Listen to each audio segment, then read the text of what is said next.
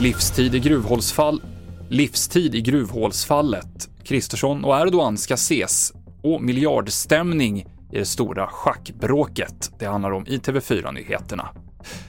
Idag blev det klart att statsminister Ulf Kristersson ska åka till Ankara för att träffa president Erdogan.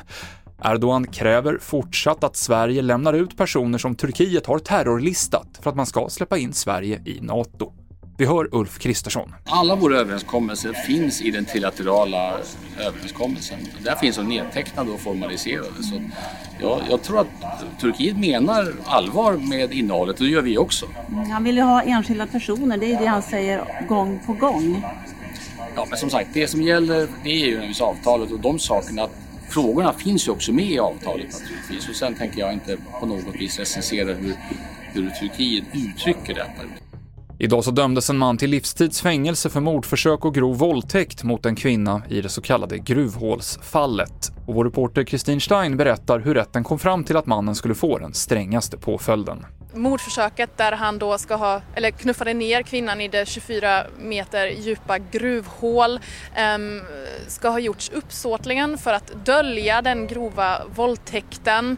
Um, sen så har man också sammanställt det med kvinnans stora lidande i samband med den här händelsen.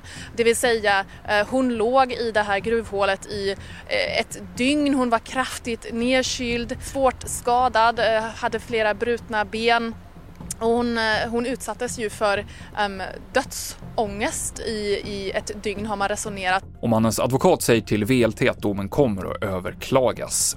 Den samiska artisten Sofia Jannok har utsetts till årets miljöhjälte av Världsnaturfonden.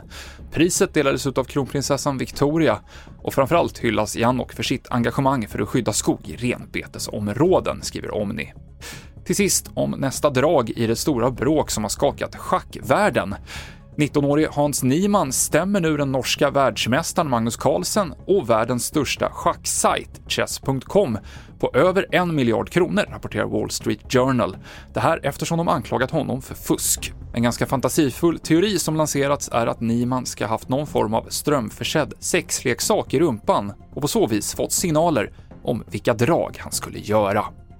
TV4-nyheterna med Mikael Klintevall.